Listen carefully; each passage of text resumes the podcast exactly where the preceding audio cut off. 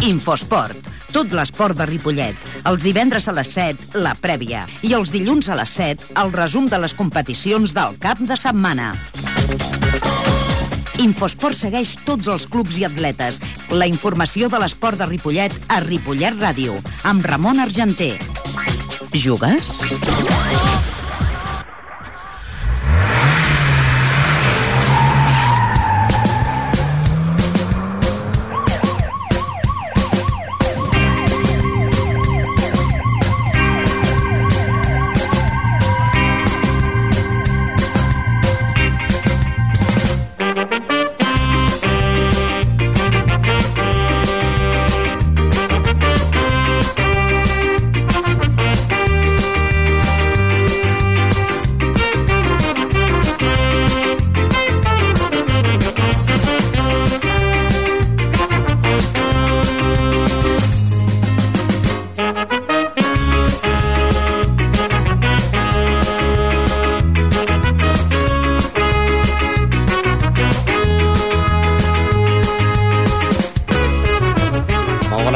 La sintonia en 1.3 de la FM i com sempre comencem doncs, el programa d'Infosport del divendres va fer un repàs de tot el que hi ha hagut aquest cap de setmana i el que hi haurà doncs, eh, aquesta setmana, que a més a més hi ha eh, el, el, la cabalgata dels tres toms i per això el Ripollet, per això el Ripollet, doncs, que dia l'horari del partit i jugarà el dissabte.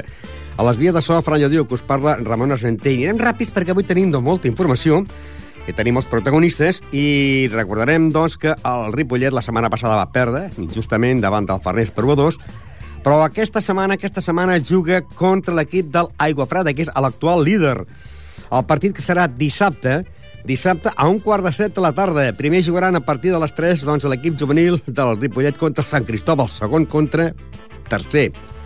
Anem a recordar primerament les paraules de Cisco Inglada, president del Club de Futbol en Ripollet, que doncs parlava amb en Jordi Muñoz. Primer serà Jordi Muñoz, llavors Cisco Inglada, perquè Cisco Inglada també en parlava de que estaran presents en la cabalgata del, dels tres toms. Anem amb en Jordi Muñoz. Bueno, força o joc estem igual que fa abans d'acabar les festes, vull dir, estem treballant penso que estem treballant bé i això és el que són els resultats que surten. I també estem veient que encara hi ha uns quants jugadors lesionats que encara no juguen, oi? Bueno, però imagina't tu, imagina't tu si a sobre eh, aquests jugadors, que per mi tots són importants des del primer fins al 21, pues, quan estiguem tots és millor per l'entrenador perquè pots fer més coses, pots pressionar més els jugadors, però de totes maneres el que val molt és l'ambient que hi ha i la pinya que hi ha en aquest vestidor. Uh, que el diumenge que ve acaba la, la primera volta amb el Farners. Pues sí, una, acaba la primera volta i estic molt content perquè l'any passat eh, portàvem 29 punts, ara ja portem 35, quan em sembla que era la, la jornada 21, i amb opcions de, clar, de, si sumem diumenge hi ha uns enfrontaments que ens poden afavorir. T'imagines que això fos l'últim partit ja de la, de la segona volta? Firmaries amb les condicions que estàs ara? I tant, ara mateix firmava, ja, ja, ja hem firmat a, amb, la, amb tota la directiva i penso que la gent que estiguem on estem que estem, penso que s'està desenvolupant un bon futbol, penso que ja estaríem contents. Perquè ara ja no és lluitar per la permanència, ara és lluitar ja pel títol quasi, no? Bueno, sí, lluitar potser pel segon lloc, no? Perquè l'aigua freda aquest eh, són molts punts els que porta, no? Però de tota manera, potser la, la gràcia d'estar on estem és perquè no tenim aquesta pressió de- d'estar de, dalt, perquè amb el pressupost que tenim nosaltres crec que tindríem que estar sobre el pressupost, però clar, el pressupost no, no, no és el que val a vegades entre les 10 últims. Futbol, futbol. Aquesta entrevista que manteníem era molt a prop dels vestuaris i el Ripollet estava celebrant, com no, la victòria del dia del Granollers, però, esclar, també parlàvem de, dels partits de l'Aigua Freda i també parlàvem del Farners. I aquesta setmana, doncs, la jornada número 18 seria en Canovella, Sant Hilari, Palafrugell, Sant Feliu, Mollet de Vic, Palau Farners, Premià de Dalt, Lloreda, Vilassar de l'Olot, Tona, Manresa, Cerdanyola, Granollers i Ripollet, Aigua Freda, dissabte a partir d'un quart de set de la tarda. Anem a recordar també les paraules que manteníem el seu president, que Cisco Anglada ens deia que per què jugaven el dissabte. el dissabte. Jugarem el dia dissabte perquè el Ripollet, com sempre, envers la festa de Sant Antoni, doncs sempre tenim la delicadesa de fer el dissabte per poder inclús, que, com l'any passat també que participarem en un carruatge a la festa, a la festa de Sant Antoni d'en Peculiar i llavors ara si tenim tres partits seguits que imaginem-nos per un moment que siguessin 9 punts jo penso que seria una cosa molt important però jo torno a dir-te el mateix eh? vull dir, jo estic amb, tenim la mateixa sintonia de l'any passat l'altre dia em deia una persona molt vinculada al Ripollet doncs que podríem fitxar jugadors ara que hi ha equips que no poden pagar Dic, però per què hem de fitxar jugadors si amb la plantilla que tenim estem fent una bona temporada, hi ha bon ambient? No és necessari, nosaltres farem el que hagin de fer i s'acabó, vull dir, l'equip està bé, hi ha bon ambient, el vestidor, amb els moments bons i amb els moments dolents s'ha vist una gran pinya, per tant hem de seguir treballant amb la mateixa gent. Passi el que passi. Que pugem, estupendo, que no pugem, no passarà res. I així podem dir ja doncs, que el partit de l'Aigua Freda, que serà, suposo que vindrà encara com a líder, que el partit que es tenia que jugar a les 12, eh, com que el Ripollet està present també la calvagata de Sant Antoni Bat, se jugarà el dissabte. El dissabte. El que passa que ara no me'n recordo exactament l'hora, si són les 6, 6 i mitja. No t'ho puc eh, dir, si vols, més endavant t'ho diré amb, amb certesa, o inclús avui quan acabi el partit t'ho diré. Però està claríssim que ara tenim aquests tres partits i un, un d'ells, el dia de l'Aigua Freda, serà el començament de la segona volta, dissabte a la tarda. Futbol. Futbol. Doncs bé, dissabte a la tarda, Ripollet Aigua Freda, dissabte a un quart de set. Primer se jugarà el partit de la categoria juvenil entre el Ripollet C, que és segon de la Lliga, contra el Sant Cristòbal, que és tercer. La classificació l'encapçala l'Aigua Freda en 43 punts, seguit de Mollet en 37, Olot 36, Ripollet ocupa la plaça número 4 en 35, Farners 27, Palafrugell 25, amb 24 punts Vic i Premià de Mar, amb 22 Manresa, amb 21 Tona, amb 19 Palau, amb 18 Granollers i també el Sant Hilari. I amb zona de descens directe, Canovelles 18 punts, Vilassada del 18 punts, Sarnyola 16 punts, Lloreda 14 i tanquen el lloc número 18 el Sant Feliu amb 10 punts en el lloc número 18. Recordeu, doncs, que el Ripollet estarà present en aquesta cabalgata de Sant Antoni, de Sant Antoni Bat, el, els Tres Toms, amb un carruatge a la que, lògicament, i, i, i anant directius del Ripollet, no sé si menys anirà algun jugador o no, amb la bandera del Ripollet, i passejant doncs, el nom del Ripollet per, aquesta, per això aquest partit doncs, del Ripollet i l'Igo Freda, el, el líder de la competició, se jugarà dissabte a partir d'un quart de set, després de que acabi el partit entre el juvenil C del Ripollet, que és segon, com dèiem, i el Sant Cristòbal, que és tercer.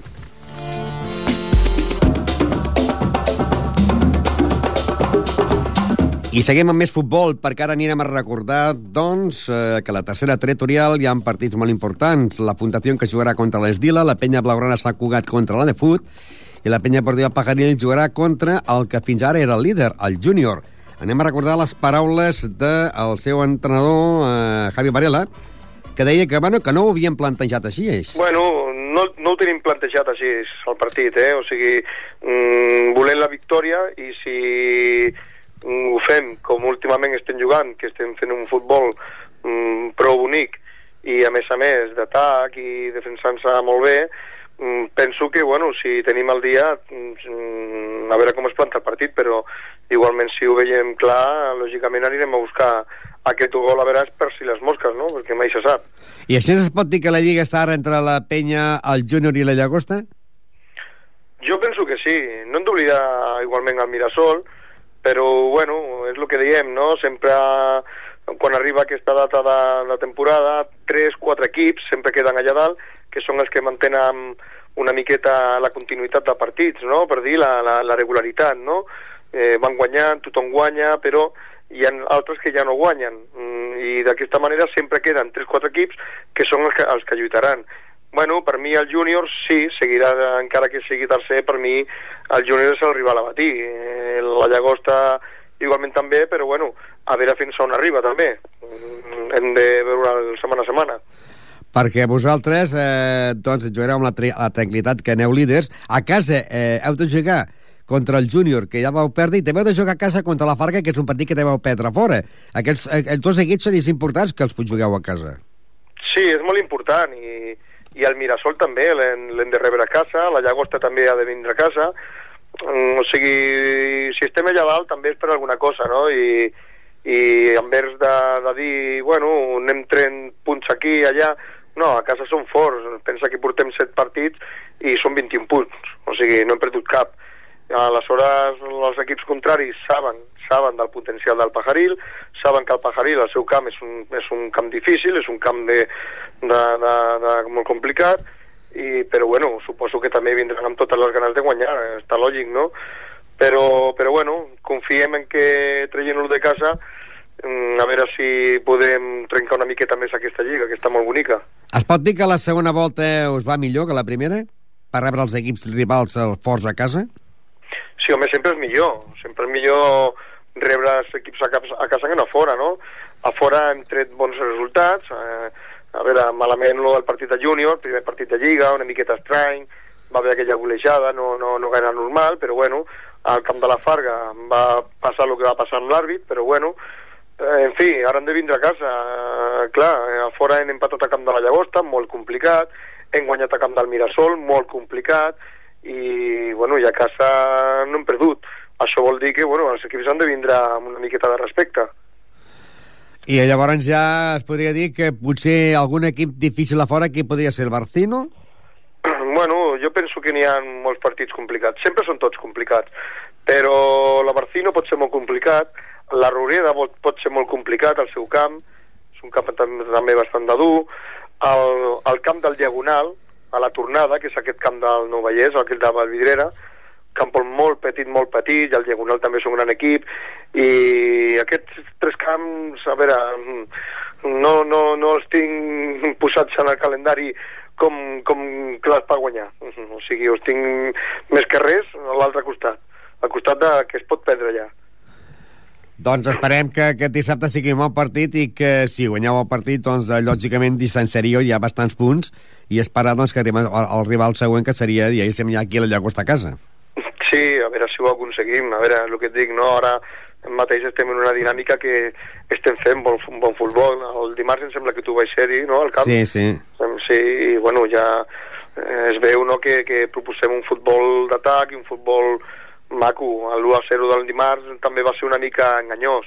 Ben, tenim prou oportunitats per haver ampliat el marcador, no? Però bueno, és el que diem, tenim aquesta dinàmica guanyadora i el júnior segurament segurament hauria d'incar la rodella perquè nosaltres anirem, anirem a mort per aconseguir aquesta lliga. Tenim moltes ganes. Uh, I veiem que també, doncs, el dia del Diagonal va marcar el Pere Los Santos i que aquesta setmana ha tornat a marcar i ja es torna a posar ja, diguéssim, al igual que l'hem passat, no? Ja, ja porta, doncs, uh, el Pere ja porta un total de, de 6 gols, 7 gols. 6 gols, 7, 7, 7 gols, ara. sí, 7 gols. Sí, ara està bé una altra vegada, havia tingut aquesta baixada i ara una altra vegada ha tornat a enganxar la, la onda, no?, que ha de tenir un davanter, que el davanter viu d'aquestes ratxes, no?, de vegades, i bueno, ara porta 4 gols en 3 partits i està jugant bé, molt bé, eh, participa molt en el, amb, el, amb la circulació de la pilota també, no només es fica el gol i estem molt contents perquè, clar, també hem recuperat aquest jugador, que feia falta. Futbol, futbol. Les paraules de Javi Varela. Aquesta jornada número 24, doncs, eh, s'enfrontaria amb Bartino, Santa Perpètua, la Farga, Nou Vallès, Sant Cugat, eh, Diagonal, la Llagosta, eh, Mirasol, Roureda descansaria perquè la retirada del Mollet, la puntuació és Dila, Peña Blaugrana, Sant Cugat, Adefut i la Peña Ortida Pajaril, Júnior. Anem a recordar també les paraules de l'entrenador de l'Adefut, Xisco. Nosotros, no, a ver, a mí personalmente me gustaría quedar el cuarto quinto, me gustaría quedar bien para ser la primera temporada, considero que sería un éxito, si pues, llegamos a alcanzar alguna de esas posiciones. Además por plantilla y por los equipos que veo, ¿no? A ver, a nosotros falta experiencia, pero tenemos un buen equipo, la verdad. A todos los equipos de arriba les hemos dado mucha guerra, mucha. Ahora, eh, este, esta semana jugáis en el campo de San Cugat. Sí. Eh, aquí ganasteis 6 a 2. No, no, no, no, no. Este fue el primer partido de liga, yo todavía Sí. no era entrenador, y perdieron 4-3. Bueno, 3-4. No, con el San Cugat, eh, a, a, a de San No, Cugat. jugamos contra la Peña Blaugrana. Ah, verdad, sí, sí, perdona, sí, sí, sí. Jugamos contra la Sí, Peña sí, sí, Blaugrana. sí. En a- su casa. y ahora ese partido será precisamente contra eh, el equipo de la Peña Brona San Cugat del Vallès, que ganasteis 6 a 2. No, no, nosotros le ganamos 6 a 2 al San Cugat. Al San Cugat 6-2. 6-2. Y esta semana jugamos contra la Peña Blaugrana Blaugrana San Cugat. Es la, la confusión que hay con los dos equipos. Exacto. Entonces, eh, un partido que si miramos la clasificación, la Peña Blaugrana eh, está también eh, situado pues en el puesto, está por la parte baja, está con 20 puntos. Bueno, pero semana ganó, no lo sé. ¿Qué hizo Les Dylan? Esta semana perdió Les Dylan 5-0. El Esdila perdió 5-0, sí, con la Sí, ellos se enfrentaban contra Les Dylan. Sí, sí. Ahora suman 20 puntos la, la Peña Blaugrana. Pues supongo que tendrán ganas de cogernos y nosotros lo que tenemos que hacer ahora esta semana tenemos que ganar fuera porque sería un buen comienzo para la segunda vuelta, nos daría moral y nos despegaríamos también de algún equipo y partido a partido. Partido a partido. Yo espero que durante la segunda vuelta, alguno de los partidos que se nos han escapado en la primera, yo creo que esta vez puede ser que los amarremos, ¿no? Tengamos más experiencia, sabemos manejar un poquito mejor la presión y los amarremos. Y, esta, y, y a más a más, este, esta semana se lesionó el portero Gordillo, ¿no? Sí, sí. Eh, íbamos uno a uno cuando se lesionó. A ver, no, el chico que salió, que es un portero del juvenil, porque el otro portero que tengo lo tengo lesionado, el segundo portero, que es, es por la sanción, no sé si te acuerdas. Sí, sí, sí, sí, sí. Entonces el chaval no estaba convocado y llevé al portero del juvenil, a Álvaro. A ver, el chico hizo todo lo que pudo, lo hizo bien, lo hizo bien, lo hizo bien. No fue excusa la lesión del portero. Lo que pasa es que, claro, Gordillo es un tío con experiencia, es un buen jugador y esperemos que esté recuperado para esta semana. Porque si no, pues... ¿Podría jugar esta semana? Yo como, como, como lo vi eh, en el campo de la Peña con el brazo en el Él, Cabestillo. por lo que me comentó, piensa que es algo muscular. A ver durante la semana cómo evoluciona. Si durante la semana no va a hacer nada de portería, el viernes probaremos. Y si no tiene molestia y él se ve con fuerzas para jugar, pues el domingo jugará. Y si no, pues como todavía está sancionado Dani, pues echaremos mano del portero del juvenil sin ningún problema y con confianza y a intentar ganar. Futbol, futbol. Doncs es jugaran aquesta setmana contra l'equip de la Penya Blaugrana Sant Cugat. És que mm, la vaig, eh, vaig fer un lío perquè hi ha dos equips, no? Dóna la casualitat, dóna la casualitat aquest any que els equips que juguen amb l'Esdila la següent setmana juguen contra la de Fut. Llavors hi ha la Penya Blaugrana de Sant Cugat del Vallès i llavors ha el Sant Cugat del Vallès. I aquí vam tenir aquesta petita confusió que ells varen doncs, eh, guanyar van perdre aquí casa davant de la de Fut, eh, van perdre contra la Penya Blaugrana per 3 a 4. Això eh, corresponia a la jornada primera, que era el dia 27 de setembre, primera jornada. A de Fut 3, eh, Penya Blaugrana 4. I ara, doncs, jugarien ja a la segona volta, però ho faran a camp de la Penya Blaugrana Sant Cugat, diumenge a partir de les 12. Una Penya Blaugrana, doncs, que, com dèiem, ocupa la plaça número 9 amb 20 punts. Mentre que la Penya Portilla Pagaril jugarà contra el Júnior, la Penya Portilla Pagaril és líder, té 34 punts i el Júnior és tercer amb 29. Mentre que l'equip de l'Esdila jugarà contra la Fundació. A l'Esdila ja ocupa l'última plaça de la Lliga, per què? Per la retirada de l'equip del Mollet del Vallès. Però estan empatats amb el nou Vallès. La classificació l'encapçala la Penya Portilla Pajaril amb 34 punts, la Llagosta 30, Júnior 29, Mirasol 28, Penya eh, Bar Blaugrana Barcino 24, Diagonal 23, Adefuit 22, La Farga 21, Penya Blaugrana Sant Cugat 20, Roureda 16, la Fundació 16, Santa Barbètua 14, Sant Cugat 10 i en les últimes places pel Nou Vallès amb 5 punts i a l'Esdila amb 5 punts després de la retirada del Mollet. I aquesta setmana serien la Penya Portilla Pagaril dissabte a partir de les 6 de tarda, Penya Portilla Pagaril Júnior, el dissabte a dos quarts de vuit la Fundació Estila i el diumenge a partir de les 12 Penya Albarrona Sant Cugat a Defut de Ripollet. Futbol sala. Futbol sala. Futbol I anem al món del futbol sala, que la setmana passada el futbol sala de Ripollet doncs, guanyava 4-2 en el Cacerres. I aquesta setmana viatgen cap a, doncs, a Palma de Mallorca i eh, jugaran contra l'equip del Brises Sport. L'equip del Ripollet és setè la Lliga amb 24 punts. El Brises Sport està en zona, podríem dir, de descens. Està a, a 3 punts del descens directe. Ocupa la plaça número 11 amb 19 punts. Anem a recordar també les paraules de a l'equip del futbol Ripollet, l'Antonio Estemera, que, que deia que la setmana passada aquella victòria eren tres punts molt importants. Sí, son tres puntos muy importantes porque llevamos dos semanas seguidas ganando, son seis puntos, le igualamos el golaveraje y lo dejamos a, a nueve puntos. Y eso es muy importante, sabiendo que la semana que viene vamos a Mallorca con otro rival directo. Esta es casi a la parte de arriba. Nada, es que desde el quinto puesto hasta el decimoquinto estamos hablando de, diez- de 11 puestos, están- estamos separados por 6 puntos. ¿eh? El Inca está claro que baja, tiene 0 puntos en la segunda vuelta, es imposible, pero todo lo demás, el Mataró tiene 22 puntos. Aparte del Inca, que es casi el candidato al descenso, eh, el segundo y tercero son los que están o pueden, pueden ampliarse a otros.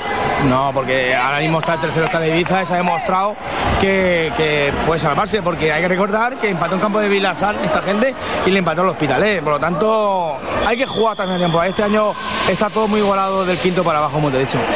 La próxima semana a Mallorca. Sí, ah, eh, eh, sin contar el partido hoy le sacábamos dos puntos. Eh, no sé lo que han hecho en Mataró. Si han perdido, nos vamos a cinco. Si han ganado, seguimos ganándole dos puntos. Pero bueno, lo importante es que estamos ahí. ¿Ahora tienes un calendario fácil o no?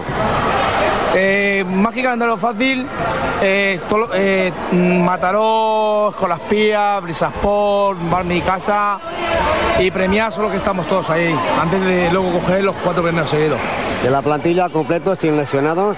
Solo está lesionado Lozano, que tuvo una rotura, pero bueno. eh, ¿Y para cuánto Bayón? Yo creo que Bayó está empezando ya a entrenar con nosotros, pero para la temporada que viene, supongo, ¿eh? Futbol sala. Futbol sala.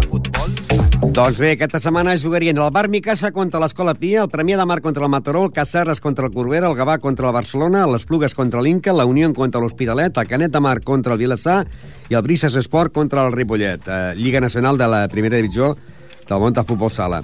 La classificació l'encapçala a l'equip del Barça, amb 41 punts, seguit la Corbera, 39, Vilassar de Mar, 34, Hospitalet, 29, Mataró, 27, la Unió, amb 25, el Ripollet és 7è, amb 24 punts.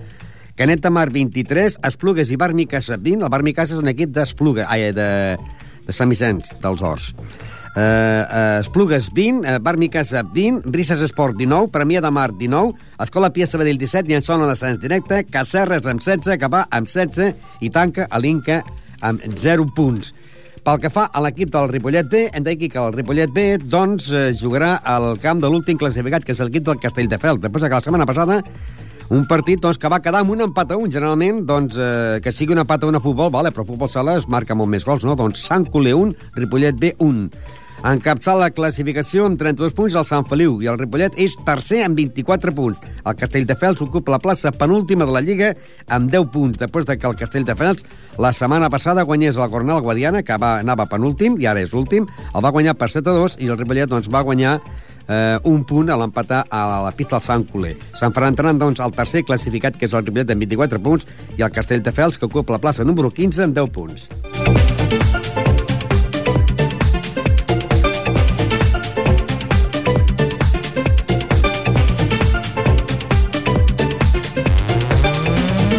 Anem amb futbol sala perquè la setmana passada, doncs, eh, els ponis van guanyar 9 a 3 a l'equip del Can Clos, la divisió de plata femenina.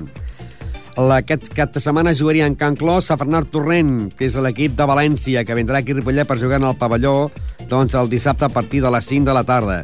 Líder, Vallirana, 24 punts, seguit del Manlleu amb 19.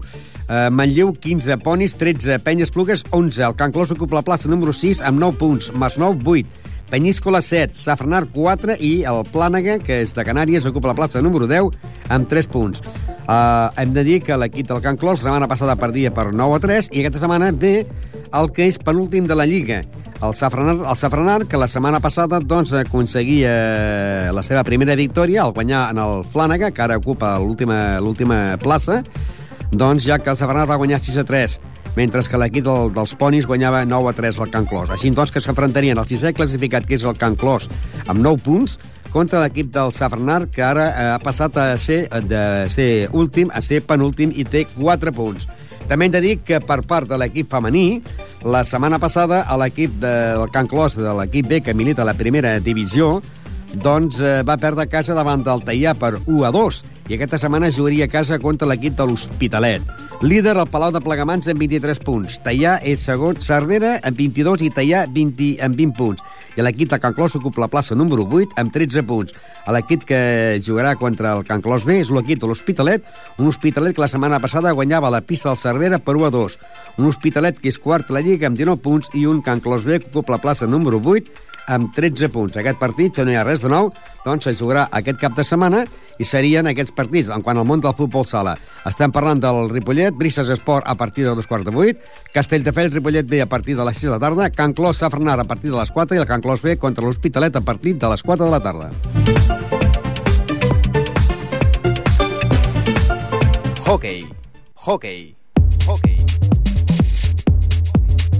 I bé, i la setmana passada en el món del hockey, doncs el Ripollet perdia davant de l'equip eh, revelació de la temporada, que és l'equip del Folgueroles, perdia per 3 a 5. Mentre estàvem mm, veient aquest partit, doncs també parlàvem en general amb Albert Figueres, que és l'equip, és el president del club de hockey Ripollet, que parlava en general de la marxa de l'equip, d'un possible equip juvenil i de tal com va la competició aquesta temporada. Sí, faltaria un equip juvenil.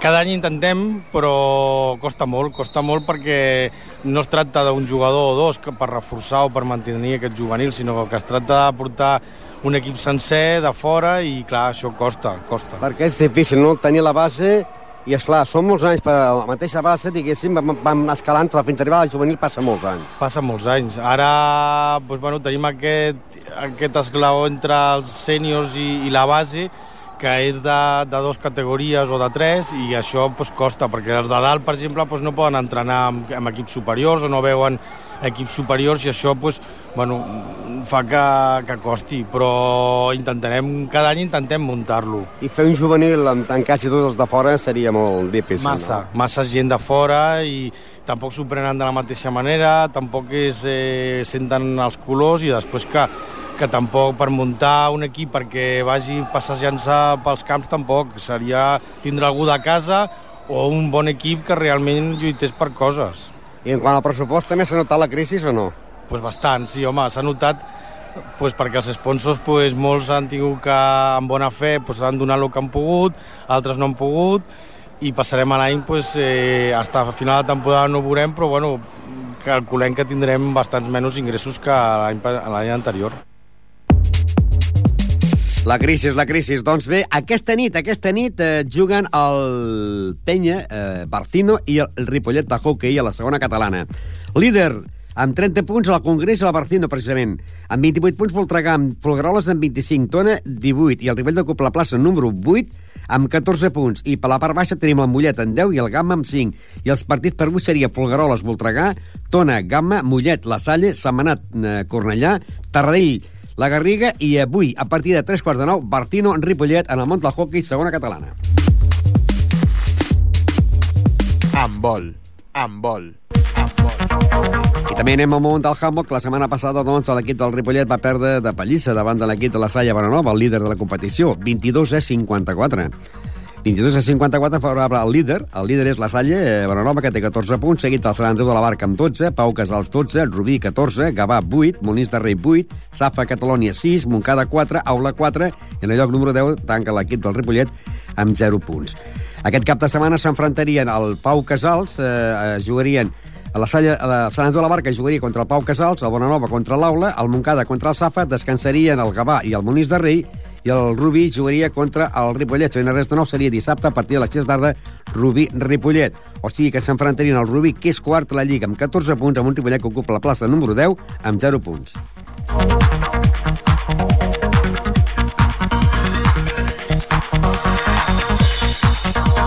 Tenis taula, tenis taula. I precisament del tenis taula avui tindrem protagonistes, però abans dic que, per exemple, la divisió d'honor femenina, aquest cap de setmana el Ripollet rep la visita de l'equip del Requena de València, finca Ripollet contra el Requena de València. La classificació l'encatçala el Lecanea d'Iruna amb 22 punts, seguit del Balaguer en 16, Atlético San Sebastián de los Reyes de Madrid 14, Mediterrani de València 12, Calella 12, Requena de València 8 i el Ripollet és 7 amb 6 punts. Aquest cap de setmana, en el hall del pavelló, jugarien la divisió d'honor femenina el Finca Ripollet contra el Requena de València. De l'equip de la Primera Nacional en parlarem, doncs, eh, més tard, perquè tenim, tenim protagonistes. I de l'equip de la Lliga Nacional de la Primera Divisió, després de que va jugar la setmana passada el partit adelantat entre el Ripollet i el Mataró, que va guanyar per 4-3, el Ripollet és líder de la competició amb 20 punts, seguit de l'Esparguera amb 16, Mataró 10, els Amics de Terrassa 10, amb 8 punts tenim el Vilanova i els tres equips que venen de Canàries, el Círculo, los, los, los Llanos, amb 6 punts, i tanca l'equip del Defensa l'Eix La Palma amb 0 punts. I aquesta setmana serien el Finca Ripollet jugaria contra el Requena de València, el Caçà de la Selva contra el Finca Ripollet de la Primera Nacional, el Ripollet Verdolai de la Primera Nacional contra el Facons de Sabadell i el Ripollet Verdolai de la Segona Nacional jugaria contra el Trulla de Montgrí. Bàsquet, bàsquet, bàsquet. I anem al món del bàsquet, que el Ripollet la setmana passada perdia davant del Baricentro, per mi un dels millors equips que han passat per aquí, i va guanyar per 67 a 85. Líder el Sant Josep de Girona amb 25 punts, el mateix és que el grup Osorio. Atenció, perquè hi ha quatre equips empatats a 25 punts. El Sant Josep de Girona, el grup Osorio de Badalona, el Barberà i el Santa Coloma. A l'Igualada en té 24 i el Ripollet ocupa la plaça número 6 amb 24 punts. I aquesta setmana el Ripollet jugarà a casa una altra vegada contra l'equip del Minguella de Badalona. Un Minguella de Badalona que ocupa la plaça número 11 amb 22 punts. Un Minguella que la setmana passada, doncs, eh, perdia més ben dit, guanyaven a la pista Sant Josep per 74 a 84. Sant Ferran Ripollet, que ocupa la plaça número 6 amb 24 punts, amb un Minguell de Badalona que ocupa la plaça número 11 amb 20 punts. I pel que fa, pel que fa al Ripollet B, doncs la setmana passada perdia contra el Berga per 64 a 82, el líder és el Berga, precisament, i el Ripollet ocupa la plaça número 13 amb 19 punts. I aquesta setmana el Ripollet B jugaria contra el Santmenat. El Santmenat, que la setmana passada doncs, va suspendre el partit contra el Castellà. Un Semanat que ocupa la plaça número 9 amb 22 punts i un Ripollet que ocupa la plaça número 13 està en zona de promoció per la permanència que té 19 punts i jugarien a partir de dos quarts de 6 de la tarda en Ripollet B, Semanat en el pavelló eh, Francesc Bernada. I seguim amb més bàsquet perquè també la setmana passada l'equip del Gasó Caixa Girona guanyaven en la pista del badalonès Dimonis de Badalona, 61 a 79, mentre que el Gasó B, la Vell Gasó, guanyava 41 a 72 a la pista del Santa Perpètua B. Líder la Vell Gasó amb 28 punts. El Gasó Caixa Girona ocupa la plaça número 5 amb 21 punts.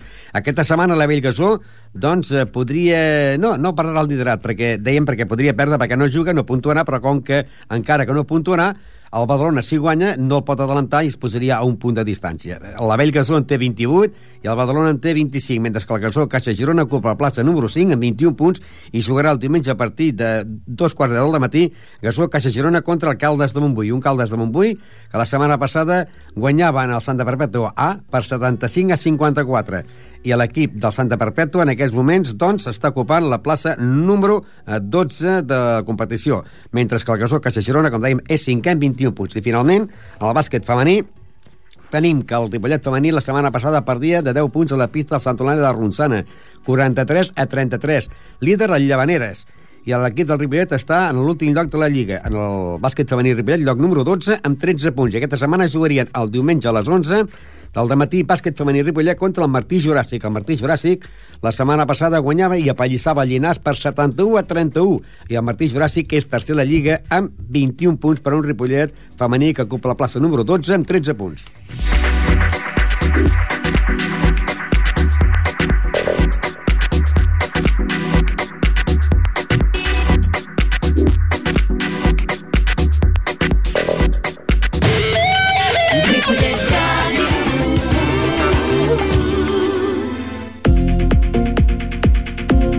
Doncs bé, després de les vacances de Nadal i Sant Esteve i Cap d'Any i Reis, ja tornem a estar aquí a Norma y Miguel. Buenas, buenas noches. Buenas tardes. Hola, buenas. Y además, además para traéis eh, al equipo más joven de la Liga Nacional, las protagonistas Sí. del Ripollet, del Finca Ripollet, Julia López, eh, Meritxell Ferret, Anna Ibáñez i Laura Chirita, que són les quatre jugadores que militen en la primera nacional del món del tenis taula de primera divisió nacional.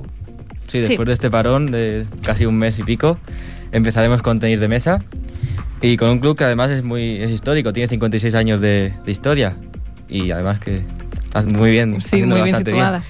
Empeza- Bueno, sí, Sí, pues las dos primeras jugadoras que escucharemos son Julia López, que tiene 12 años y es campeona, campeona de España, y Meritxell Fe- Ferret, que tiene 16 años y es campeona de Cataluña. Y bueno, aquí escucharemos bueno, una pequeña entrevista que le hicimos y empezaron, nos explican un poco cómo empezaron su afición por este deporte. Mi hermana empezó jugando porque mi padre patrocinaba un- al mini ping-pong de aquí de Ripollet y entonces pues mi hermana empezó, vino, se animó y luego yo. Yo casi lo mismo, porque mi primo empezó también, eh, estaba en un club de Badalona y entonces descubrió que, este, que había un club aquí en Ripollet y le, le pillaba más cerca. Entonces, pues de saber lo de que él entrenaba, pues me apunté yo también y me gustó y aquí estoy. ¿Cuántos años lleváis? Esta es la sexta temporada mía. Y yo cinco años. ¿Cuál es la parte más difícil que creéis que se para aprender en este deporte?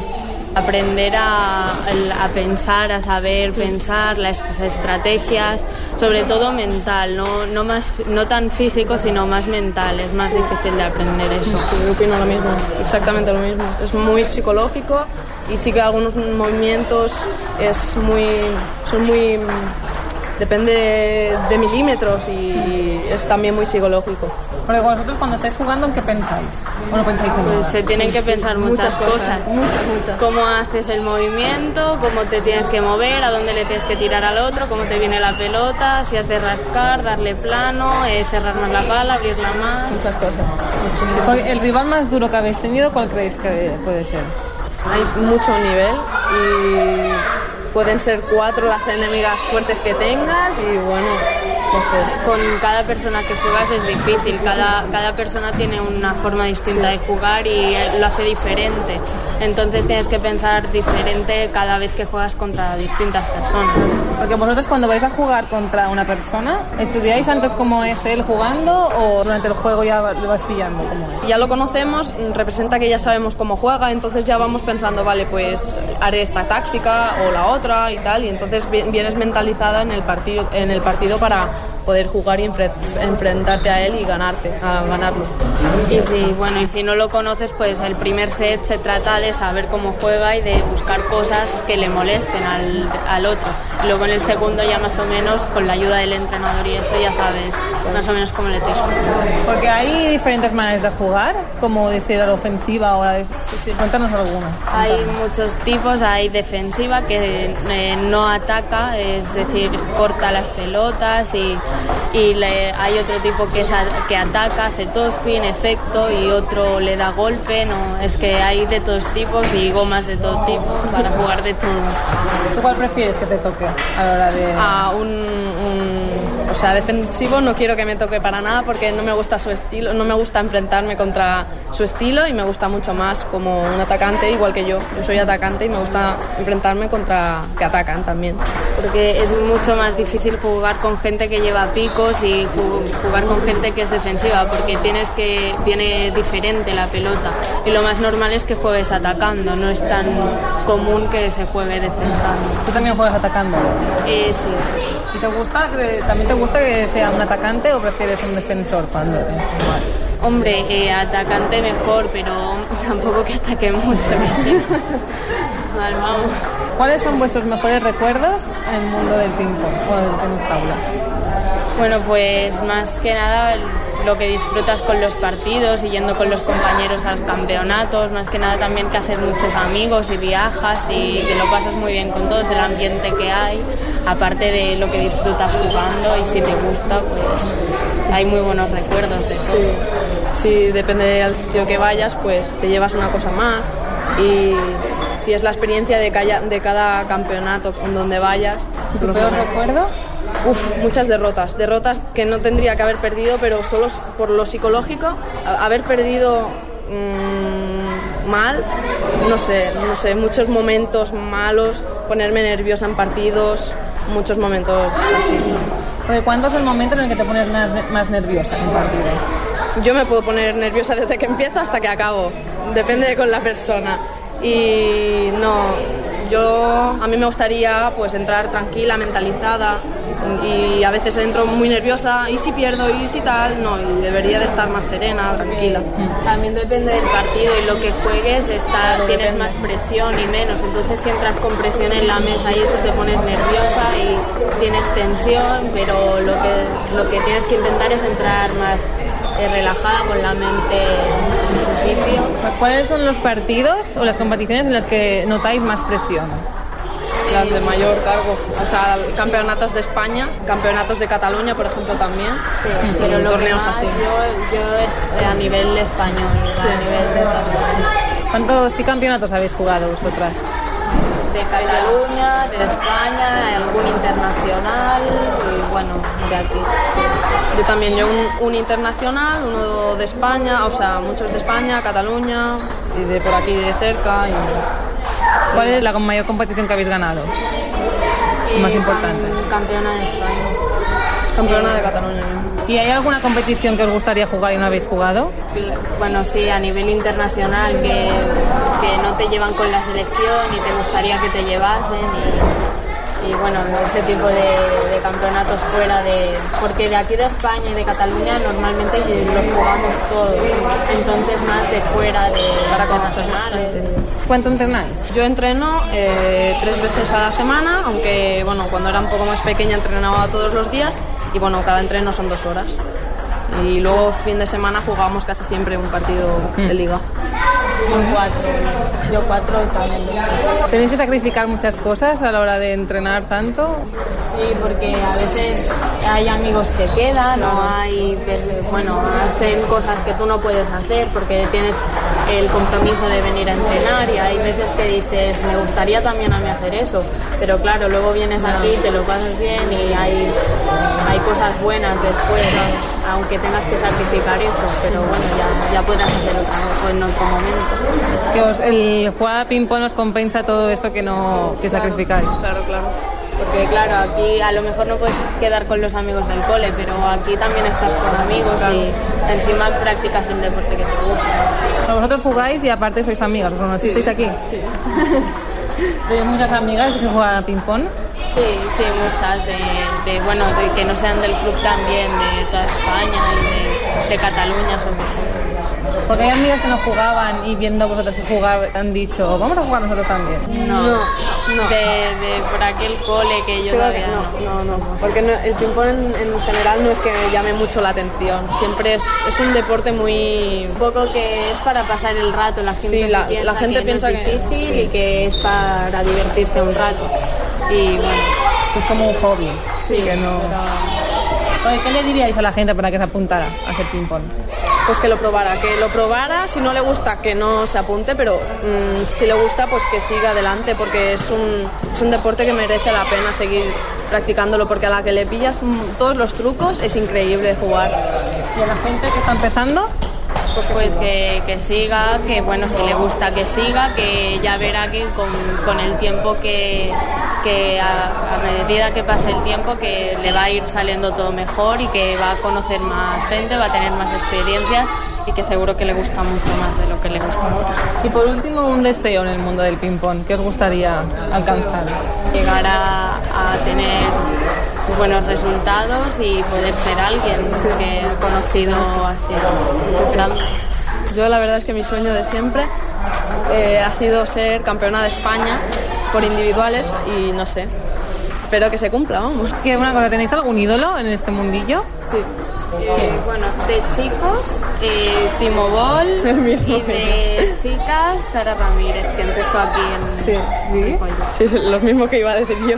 Timo y una Sara Ramírez y alguna china que me gusta mucho también. ¿Y por qué os gustan esos? ¿Hay algo...? No sé, eh, porque a ver, Sara empezó aquí y bueno, se crió con la misma gente que estamos aquí nosotras y que Y ha llegado muy lejos, muy famosa. y ha llegado y ha hecho muchos resultados importantes a nivel bueno europeo ha ido hasta Y Pekín mundial. y, y bueno y eso y de chicos pues no sé porque me gusta ese jugador simplemente Sí. y además también ha hecho mucho Sí, sí, sí, lo mismo. Pues estaban hablando de Sara Ramírez que empezó aquí eh, a jugar con el equipo Levin. Y ahí tenéis que pensar que era tan bajita que cuando se veía, si tú bajabas y veías la mesa así de frente, veías a una persona jugando y veías una, una, una raqueta, cabeza. una, una cabecita pequeñita y una raqueta. Y aún así ganaba. Y así ganaba ya. Bueno, el sonido de fondo que se oía era porque estaba, estaban entrenando los compañeros. Y a continuación escucharemos a Laura Chivita y a Ana Ibáñez, que también han sido campeonas de España por parejas. Ana, ¿cómo empezó tu afición a este deporte? Jo vaig començar que amb els escolars i van veure que podia progressar i llavors vaig començar aquí al club. Fa molt, això? Cinc anys crec ja fa que jugo. Algun amic teu es va apuntar amb tu? No, no, no, no. Van començar però ja no van seguir. Per què no van seguir? No sé, perquè com que a mi em van dir que pugés i a ells ja no, doncs ells es van quedar ahí allà i ja no van seguir venint, no sé. ¿Y tú, Laura, por- cómo empezaste tu afición a Yo este es que mi madre era la entrenadora y cuando venía del cole me venía aquí y a veces jugaba y entonces ya comencé a jugar.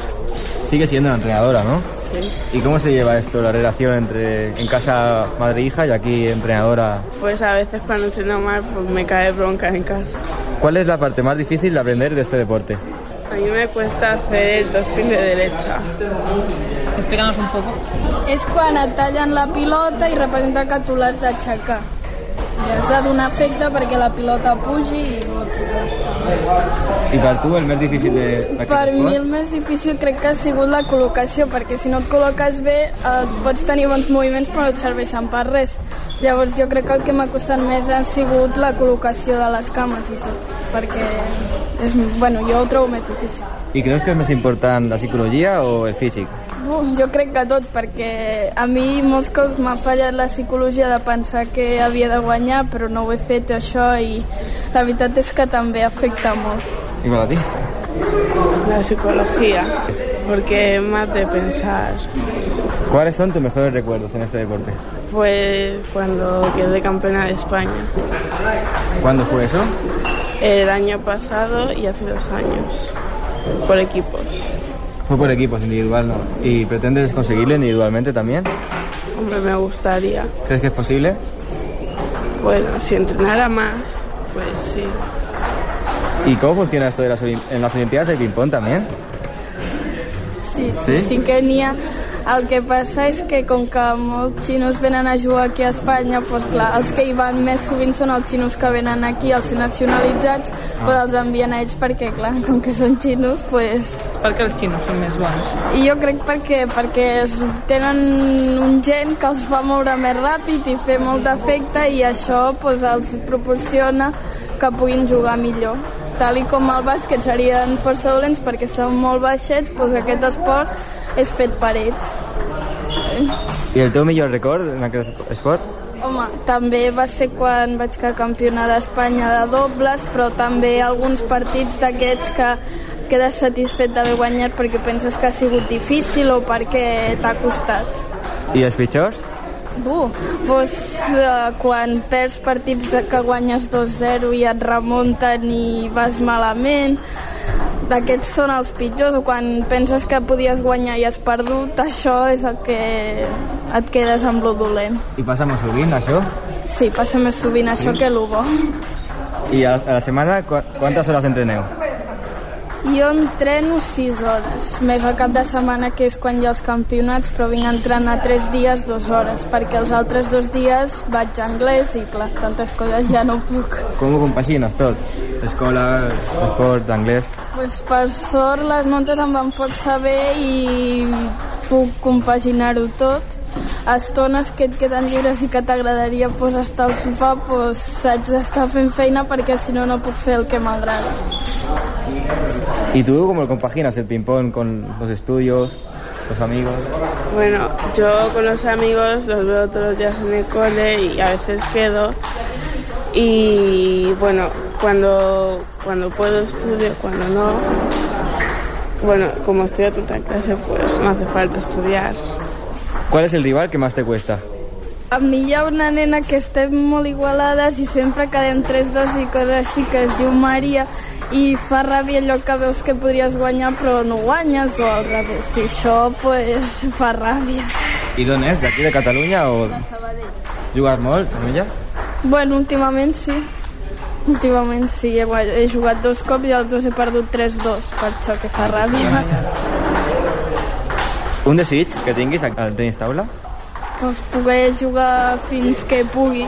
Ojalà pogués arribar a jugar fins que aquesta gent gran veus que ve jugar aquí a vegades, pues ojalà jo pogués compaginar-ho tota la vida, encara que no sé si serà possible, però bueno, m'agradaria. ¿Y tú un deseo que tengas en el ping-pong? Quedar campeona de España individual. Individual.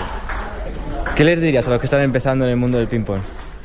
Pues que és una cosa difícil, però que tot esforç té la seva recompensa i que al final pues, tindran el seu moment de jugar bé i tot. Tots hem passat aquest moment de dir "És que no em surt res i penses deixar-ho no, però que et costa i a vegades t'ensorres una mica, però bueno, penses que sempre arribarà aquell moment en què jugaràs bé i guanyaràs coses, i sempre arriba normalment. ¿Y el aprendizaje es rápido? No, no, jo crec que no, perquè quan aprens a fer una cosa, després en tens una altra i si no sempre s'han de perfeccionar les coses perquè mai no jugaràs perfecte.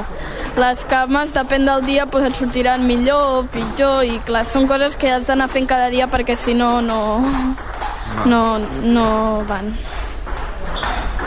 Y a la gente que no practica este deporte, ¿qué le dirías para que se apuntara?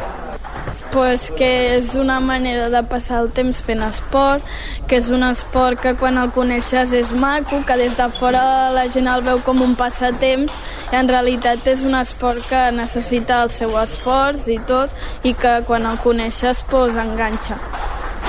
¿Tienes competiciones al jugar? Bueno, una mica de tot, de campionats de Catalunya, d'Espanya, Lliga, a primera, nacional, campionats, Opens, Horitzó, una mica de tot. Quina t'ha agradat més? Home, per agradar-me els campionats d'Espanya són els que disfrutes més perquè jugues amb gent de tot arreu, que no és sempre la mateixa d'aquí a Catalunya i també és diferent perquè si aconsegueixes una cosa, doncs és una cosa important, important. Y para ti, eh, ¿qué campeonatos has jugado? Yo, eh, Campeonato de España, de Cataluña, eh, Open, Solitos, Liga, eh, Tops.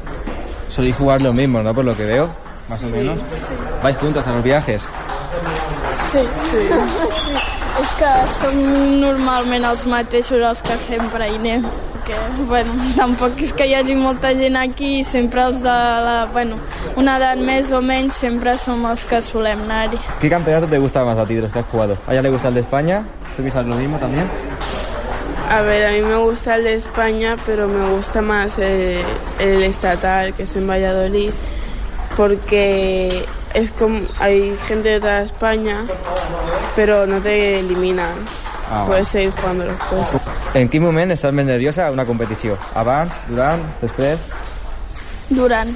Sí? Jo crec que quan jugo és quan estic més nerviosa. Al primer set o ja... No sé. Cap a finals de set és quan acostumo a posar-me més nerviosa perquè veig que estic a punt de guanyar o així i llavors pues, perdo. Si em poso nerviosa i això és el que em passa. I quan vas dos a dos, Per això, aquell moment és el pitjor perquè Sí, no? estàs nerviós, si la cagues, pues, l'has cagat, cada pilota és important i llavors has d'estar molt concentrat i clar, pues, passen que et desconcentres i et poses nerviós i llavors pues, malament.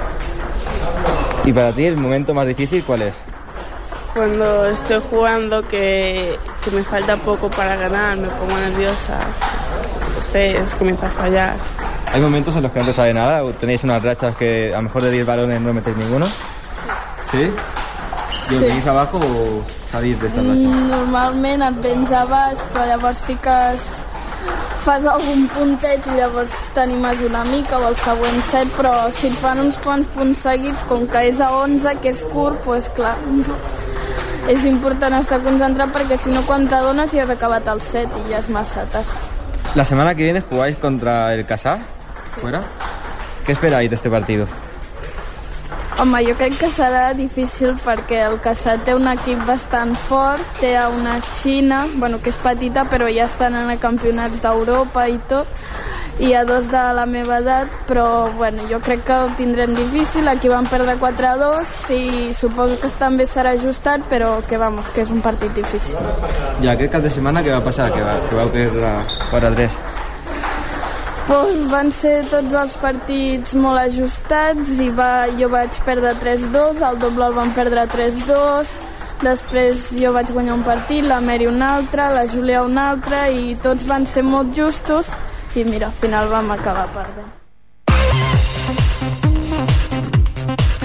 Bueno, pues una vez escuchadas las cuatro protagonistas de hoy, tenemos, bueno, vamos a repasar un poco la clasificación de la Primera Nacional Femenina, en la que encontramos en el primer puesto Santa Eulalia Femenino, bueno, de Ibiza con 14 puntos, en el segundo el de Casal de la Selva con 14 puntos también, en el tercer puesto Club Falcons con 12, Mataró con 8 puntos, en el quinto puesto encontramos a Cinco Ripollet de, con 8 puntos, sexto Vic con 6 puntos, el Ateneu de San Juan d'Espí con 2 puntos y en octavo puesto y el último Calella con 0 puntos. Y también, si quere- bueno, si sí, vamos a repasar también la anterior jornada y los resultados, en que jugaron el Cañigaral y el Ateneu, en- ganó el Cañigaral con 5 a 1, Finca Ripollet contra los Falcons, en que perdemos, perdieron, como 4. han dicho, 3 a 4, Calella con Fotoprix, que ganó el Fotoprix, Fotoprix por 0 a 2, 0 a 6, perdón, que se me... Sí, es que el doble es eh, Sí. primordial porque eh, puedes que si quedas 3-3, entonces el desempate tiene que ser con el partido de dobles. Y las perdieron en el doble. Sí, 3-4. Y por último jugaron el Mataró contra el Cañigaral, eh, 2-4, ganó el Cañigaral. Y, y aquí te queda otro, otro partido que también jugaron esta semana. Sí, esta semana jugarán Casa de la Selva contra Finca Ripollet, mañana a las 5, Fotoprix Big Club Falcons, Ateneu Mataró y Santolaria de Ibiza contra el Suris Calella. Es Santa Ibiza, que hay que decir que son tres jugadoras de Ripollet. Que quedan casa Son todos. tres jugadoras, Sí. la Marta Zamorano, de Mireia Jurado que son de Ripollet, que están jugando con el Ibiza. El entrenador es el hermano Lazara Ramírez, de Ripollet, y el jugador chin- chino también ha ido a Ibiza a jugar con la Santa Eulalia. Pues nada, si ganan, ganarán Ripollet igualmente. Y por último, antes de despedirnos, que la semana que viene haremos fútbol, el juvenil, que juega el Ripollet juvenil. Sí, que se juega, precisamente se juegan eh, eh, mañana el tercer y el segundo Mañana. puesto, o asegurar el segundo puesto. Mañana las el. Ripollet, que es el segundo, contra San Cristóbal, que es tercero. Sí. Y cuando acabe ese partido, el Ripollet, eh, Aigua Aigua Freda, de la el preferente. Doncs posarem punt i final. Dic també que en el món del tennis, eh, comença la lliga també per al tennis, i a la categoria de més de 40 anys el Ripollet jugarà a la pista del Premià de Mar, mentre que pel que fa a la categoria absoluta, el Castellà jugarà contra el Víctor Trosses, el Club Tenis Víctor Trosses, i el Ripollet contra el Terrassa. Posarem punt i final i recordeu-nos que el divendres tindrem aquest espai dedicat a l'esport base a l'equip juvenil C del Club de Futbol Ripollet. Adéu-siau i bon cap de setmana. Adéu. Buenas tardes.